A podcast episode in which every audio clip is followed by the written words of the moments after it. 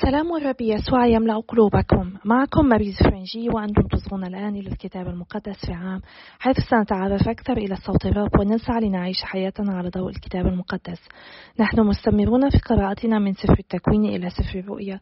نحاول أن نكتشف قصة الخلاص وأين نحن منها. ولقد وصلنا إلى اليوم المئتين والواحد والستون وسنقرأ اليوم الفصول الحادي عشر والثاني عشر والثالث عشر من إنجيل القديس متى ومن سفر الأمثال الفصل التاسع التاسع عشر من الآية الخامسة حتى الآية الثامنة. فلنبدأ بصلاتنا المعتادة. بسم الله والابن والروح القدس الإله الواحد آمين. أيها الرب القدوس الذي لا يموت قدس أفكارنا ونقي ضمائرنا فنسبحك تسبيحا نقيا ونصغي إلى كتبك المقدسة. لك المجد إلى الأبد آمين. إنجيل القديس متى؟ الفصل الحادي عشر. ولما أتم يسوع وصاياه لتلاميذه الاثني عشر ذهب من هناك ليعلم ويبشر في مدنهم. أسرار ملكوت الله يسوع ويوحنا المعمدان.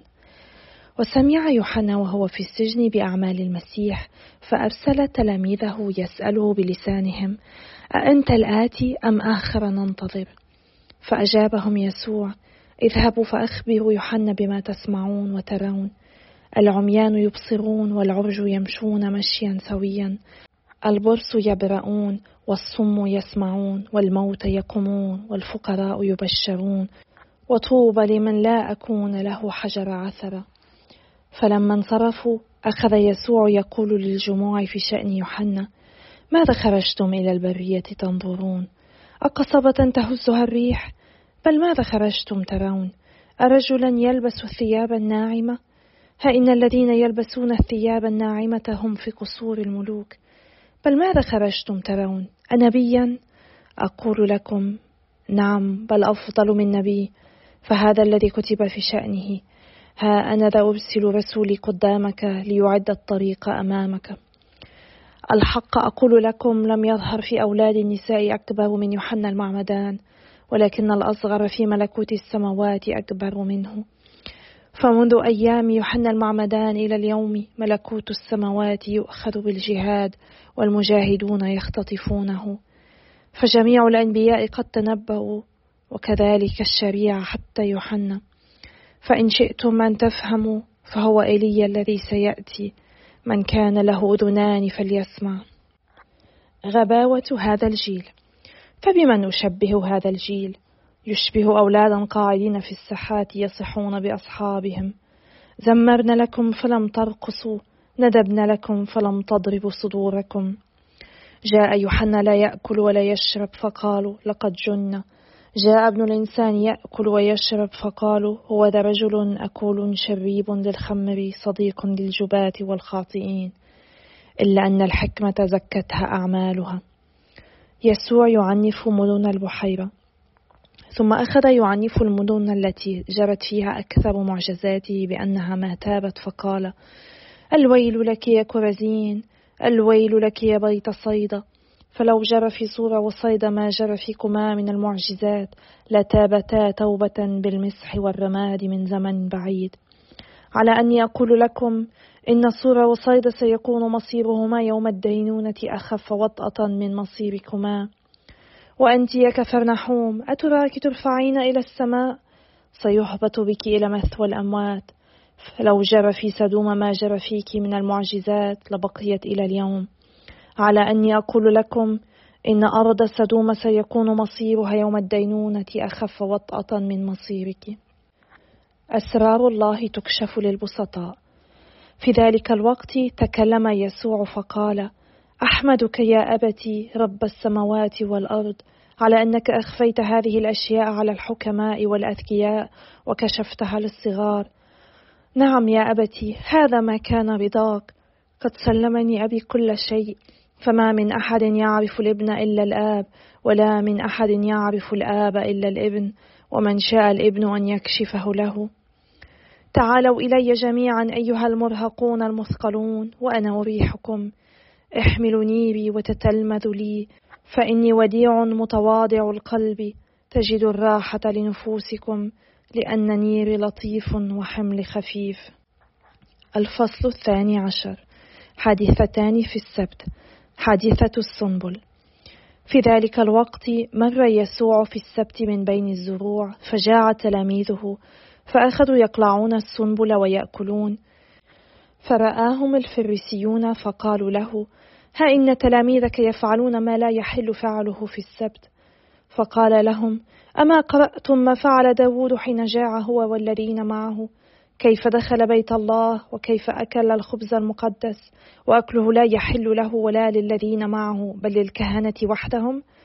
أو ما قرأتم في الشريعة أن الكهنة في السبت يستبحون حرمة السبت في الهيكل ولا ذنب عليهم؟ فأقول لكم إنها هنا أعظم من الهيكل. ولو فهمتم معنى هذه الآية إنما أريد الرحمة ولا الذبيحة لما حكمتم على من لا ذنب عليهم. فابن الإنسان سيد السبت. الشفاء في السبت. وذهب من هناك فدخل مجمعهم فإذا رجل يده شلاء فسألوه أيحل الشفاء في السبت؟ ومرادهم أن يشكوه. فقال لهم من منكم إذا لم يكن له إلا خروف واحد ووقع في حفرة يوم السبت لا يمسكه فيخرجه؟ وكم الإنسان أفضل من الخروف؟ لذلك يحل فعل الخير في السبت. ثم قال للرجل امدد يدك. فمدها فعادت صحيحة كالأخرى. فخرج الفريسيون يتآمرون عليه ليهلكوه.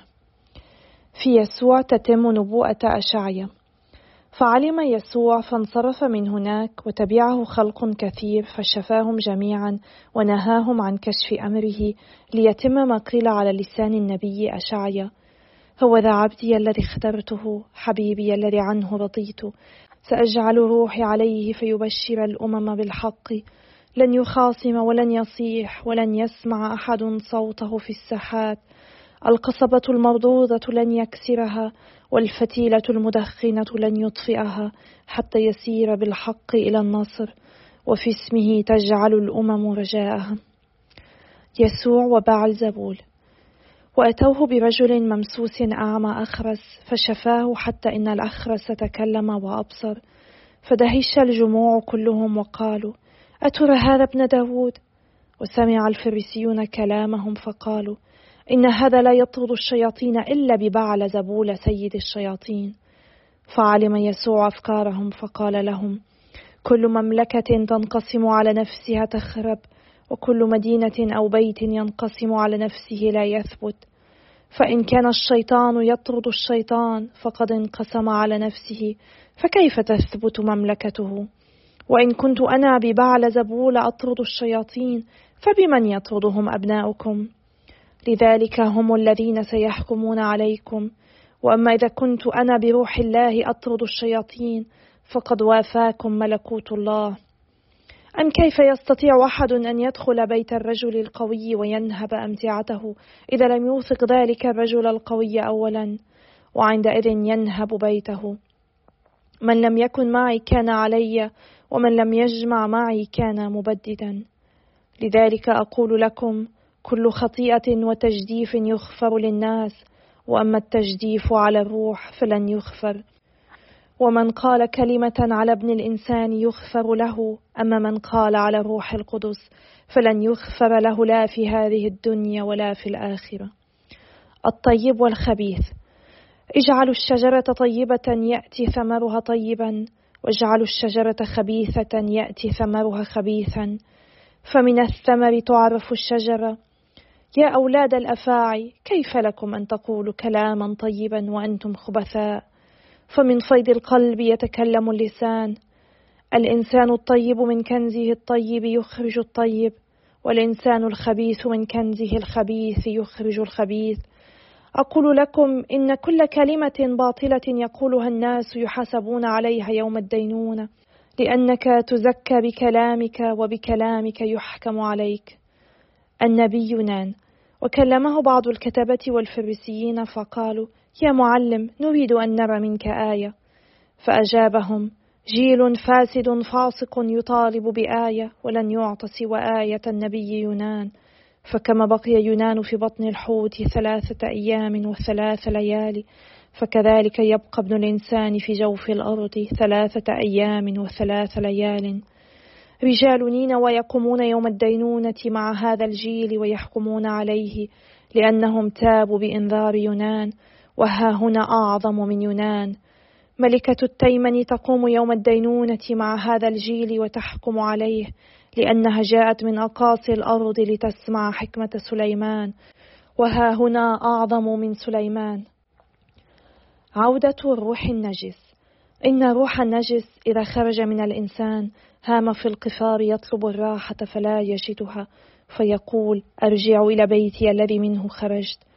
فيأتي فيجده خاليا مكنوسا مزينا فيذهب ويستصحب سبعة أرواح أخبث منه. فيدخلون ويقيمون فيه. فتكون حالة ذلك الإنسان الأخيرة أسوأ من حالته الأولى. وهكذا يكون مصير هذا الجيل الفاسد. أسرة يسوع الحقيقية.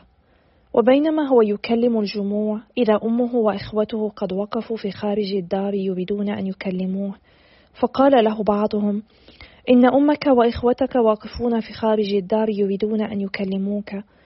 فأجاب الذي قال له ذلك من أمي ومن إخوتي؟ ثم أشار بيده إلى تلاميذه وقال هؤلاء هم أمي وإخوتي لأن من يعمل بمشيئة أبي الذي في السماوات هو أخي وأختي وأمي.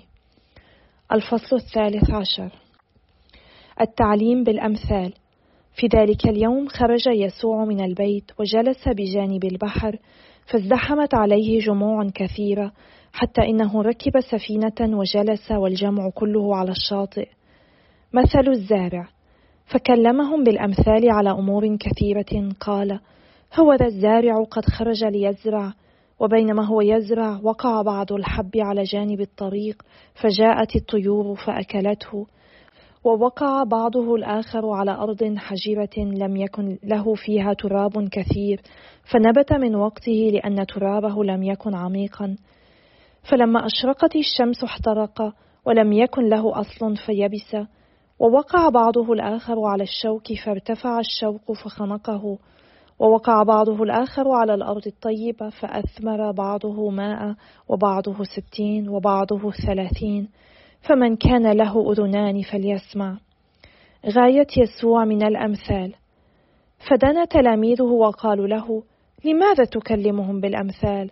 فأجابهم لأنكم أعطيتم أنتم أن تعرفوا أسرار ملكوت السماوات وأما أولئك فلم يعطوا ذلك. لأن من كان له شيء يعطى فيفيض ومن ليس له شيء ينتزع منه حتى الذي له.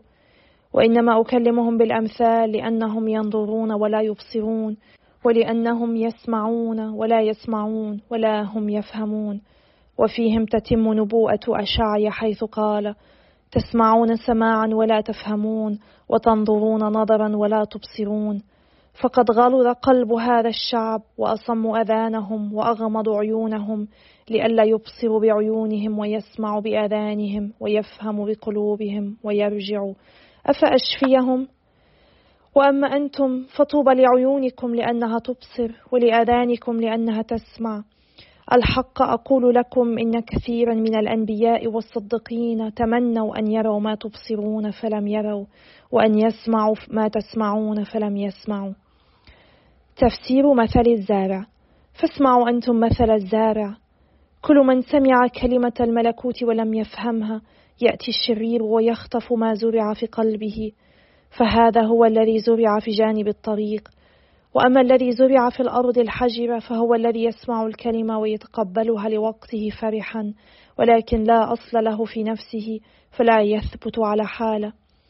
فإذا حدثت شدة أو اضطهاد من أجل الكلمة عثر لوقته وأما الذي زرع في الشوك فهو الذي يسمع الكلمة ويكون له من هم الحياة الدنيا وفتنة الغنى ما يخنق الكلمة فلا تخرج ثمرا.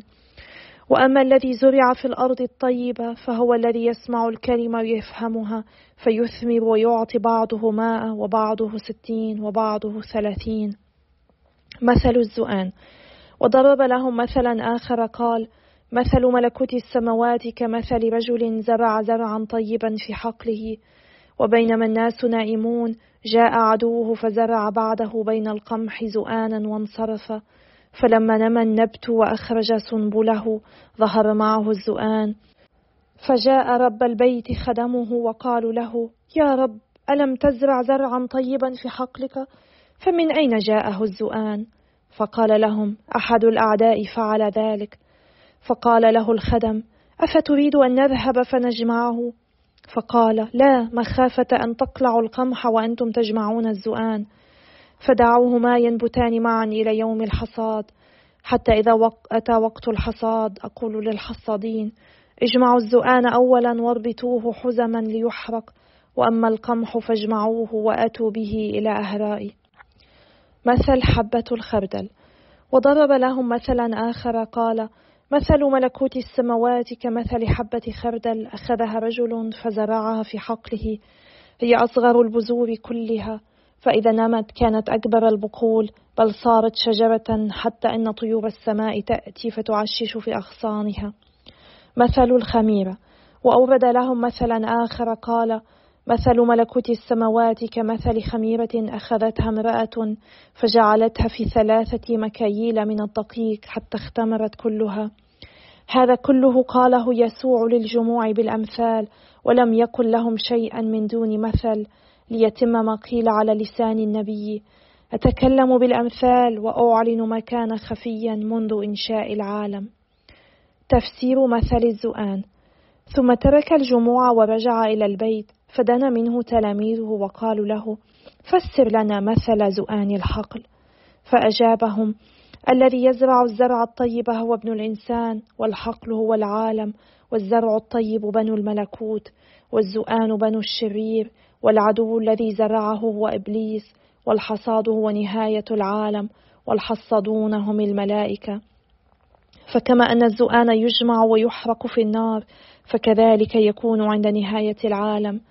يرسل ابن الإنسان ملائكته فيجمعون مسببي العثرات والأثمة كافة فيخرجونهم من ملكوته ويقذفون بهم في أتون النار فهناك البكاء وصريف الأسنان والصديقون يشعون حينئذ كالشمس في ملكوت أبيهم.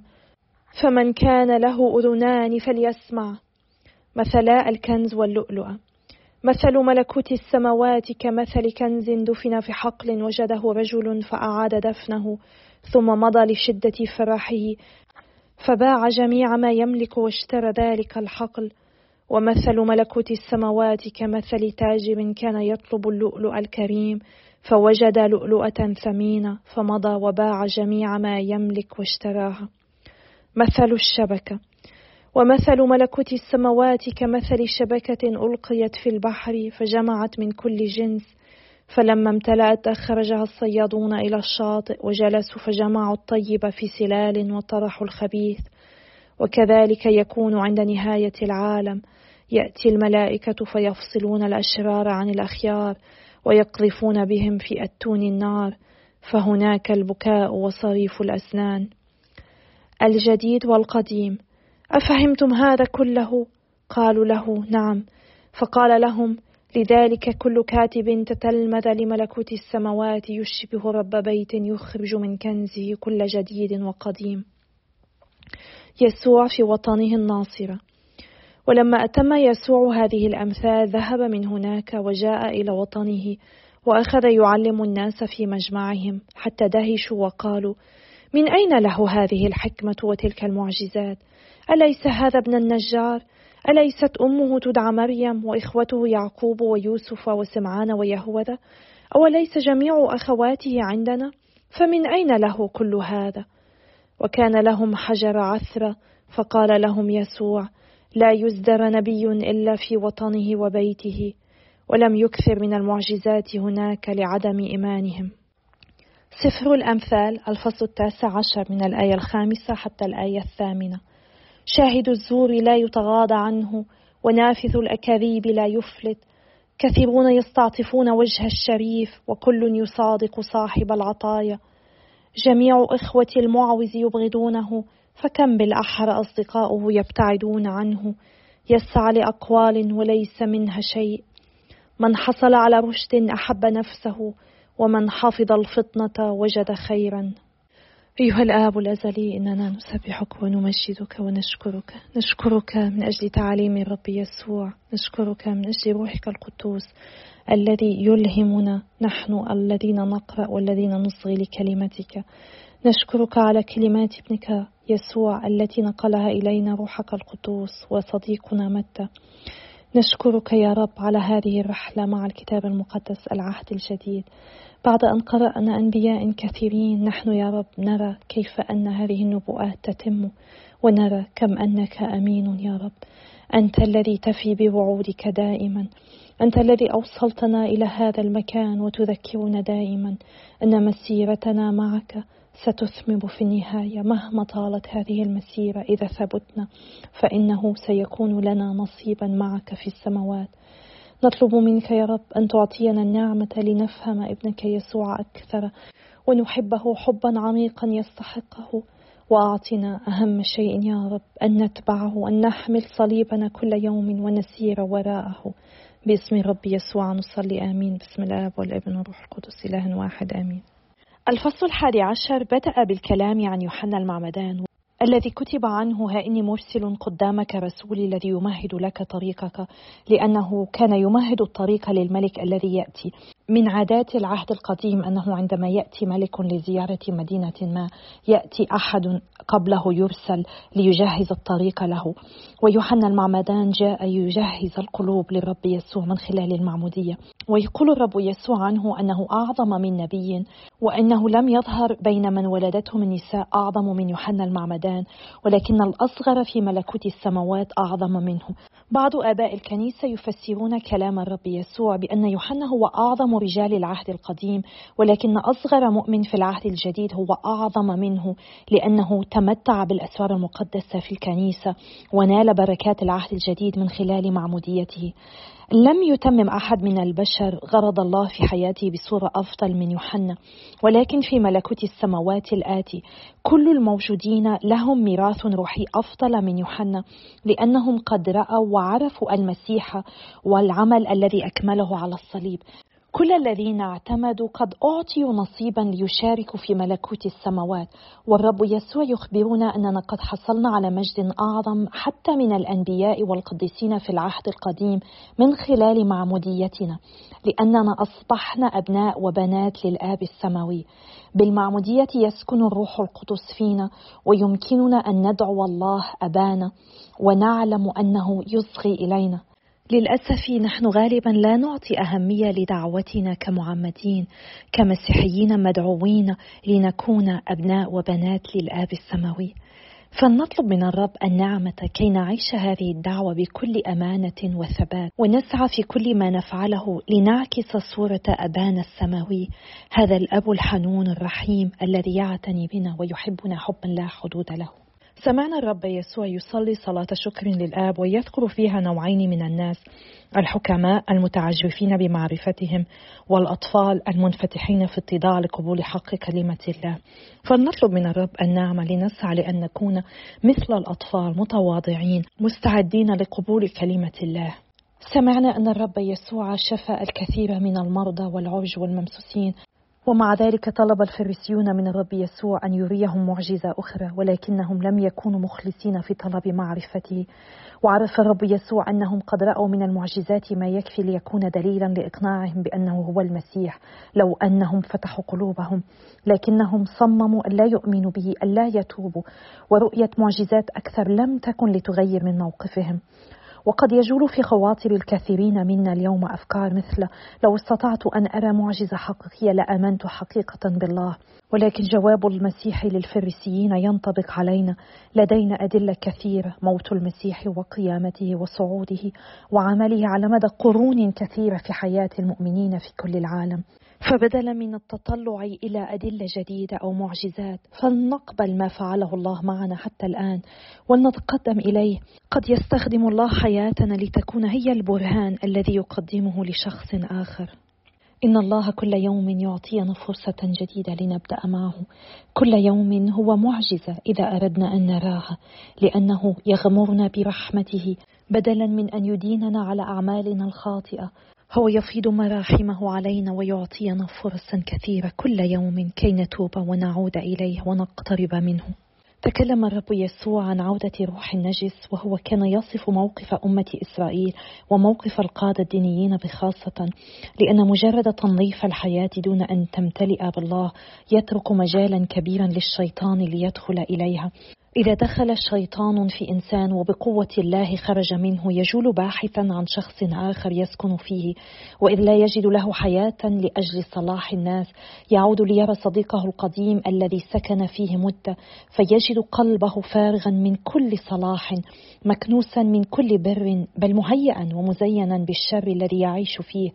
فرغم تخلصه من الشيطان هو لم يتب عن خطاياه ويحيا مع الله في الصلاح.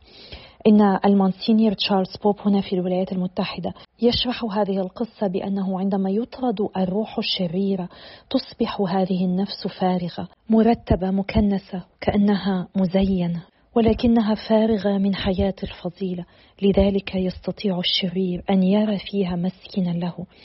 والمغزى من هذا أنه إذا لم نملأ حياتنا بالرب يسوع إذا لم نسمح لنفوسنا بأن تمتلئ بنعمة الرب يسوع إنها ستكون عرضة للشرير. عندما نذهب لنيل سر الاعتراف ونتوب عن خطايانا علينا أن نسعى لأن ننمو بالفضيلة لأن ننمو في حياتنا الروحية في علاقتنا مع الرب يسوع. وإلا فحالتنا الأخيرة ستكون أسوأ من الأولى. مثل الزارع الذي شرحه الرب يسوع يخبرنا عن كل أنواع الأماكن التي يمكن أن تسقط فيها البذرة. ورغم أن النفس الزارع يزرع ويزرع نفس نوع البذرة فإن البذرة قد تنمو وتزدهر في بعض الأماكن وتفشل في أماكن أخرى. عندما تقع على أرض صخرية تنبت ولكنها لا تدوم لأن لا جذور لها. ونحن أيضا إذا لم نكن متجذرين في إيماننا فنتأثر بسهولة عندما يعارضنا الأشخاص أو عندما نضطهد وهذا قد يؤدي بنا إلى أن نفقد إيماننا. البذرة التي تسقط على الشوك هي الذين يسمعون كلام الله ولكن يسمحون لهموم ومشاغل الدنيا أن تخنق كلمة الله فيهم فلا يعمل بها ولا يعيشوها. وهذه يمكن أن تكون حال كل واحد منا. عندما لا نجعل الله هو الأولوية في حياتنا. والبذار التي تقع على الممرات تمثل كل من يسمع كلمة الملكوت ولا يفهمها فيأتي الشرير ويخطف ما زرع في قلبه. والتربة الجيدة هي التي تستقبل البذرة وتغذيها. نرى في هذه الأربعة أنواع من التربة ردود أفعالنا المختلفة نحو رسالة الله. فردود أفعالنا تختلف باختلاف استعداداتنا، بعض الناس يتقصون والبعض لا عمق لهم وآخرون قد أفسدتهم مشاغل أخرى جاذبتهم بعيدا. والبعض يتقبلون الكلمة. نحن ندرك أنه لا يمكننا أن نختار الزارع ولا البذرة ولكن يمكننا أن نختار أي نوع من التربة نحن نريد أن نكون وكيف سنعتني بالبذور المزروعة داخل نفوسنا. إلى أي مدى؟ سمحت لكلمة الله أن تتأصل في حياتك. أي نوع من التربة أنت؟ ربما نحن بحاجة لأن نقضي بعض الوقت نتأمل في هذا الموضوع ونسعى لأن نكون من التربة الجيدة. نصغي لكلمة الرب نفهمها ونجعلها تنتج ثمارا في حياتنا وحياة الآخرين. تكلم الرب يسوع أيضا عن مثل القمح والزؤان. وكثيرون يتساءلون لماذا يسمح الله للأشرار بأن يكونوا متواجدين في الكنيسة. الله يسمح للأشرار ولغير المؤمنين أن يستمروا بعض الوقت كما يسمح الفلاح للزؤان أن يستمر في الحقل حتى لا يقتلع القمح مع الزؤان. أما في الحصاد فسيقتلع الزؤان ويلقى بعيدا. وسيأتي حصاد الله أي يوم الدينون لكل الجنس البشري. هو آت لا ريب فيه. وسيفرز الملائكة الأشرار من الصالحين. وعلينا أن نسعى في كل لحظة من حياتنا أن نعيش بإخلاص وأمانة للرب حتى نثبت إلى المنتهى ونخلص. إن الإنجيل حقا هو بشرى سارة والكثير يمكن أن يقال عنه.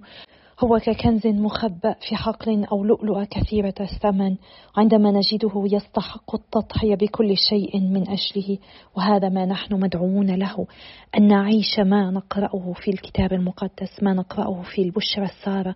أن نتأمل بحياة الرب يسوع ونتعلم منه كيف نعيش مسيحيتنا. إن دعوتي لكل واحد منا أن نقضي بعض الوقت مع الآيات الثلاثة الأخيرة من الفصل الحادي عشر حيث سمعنا الرب يسوع يطلب منا أن نأتي إليه. نحن المتعبين والرازحين تحت الأحمال الثقيلة هو يعدنا بالراحة أي السلام مع الله وليس نهاية كل مشقة. ولنتعلم منه الوديع والمتواضع القلب. فلنستمر بالصلاة من أجل بعضنا البعض وإلى اللقاء غدا يوم آخر إن شاء الله.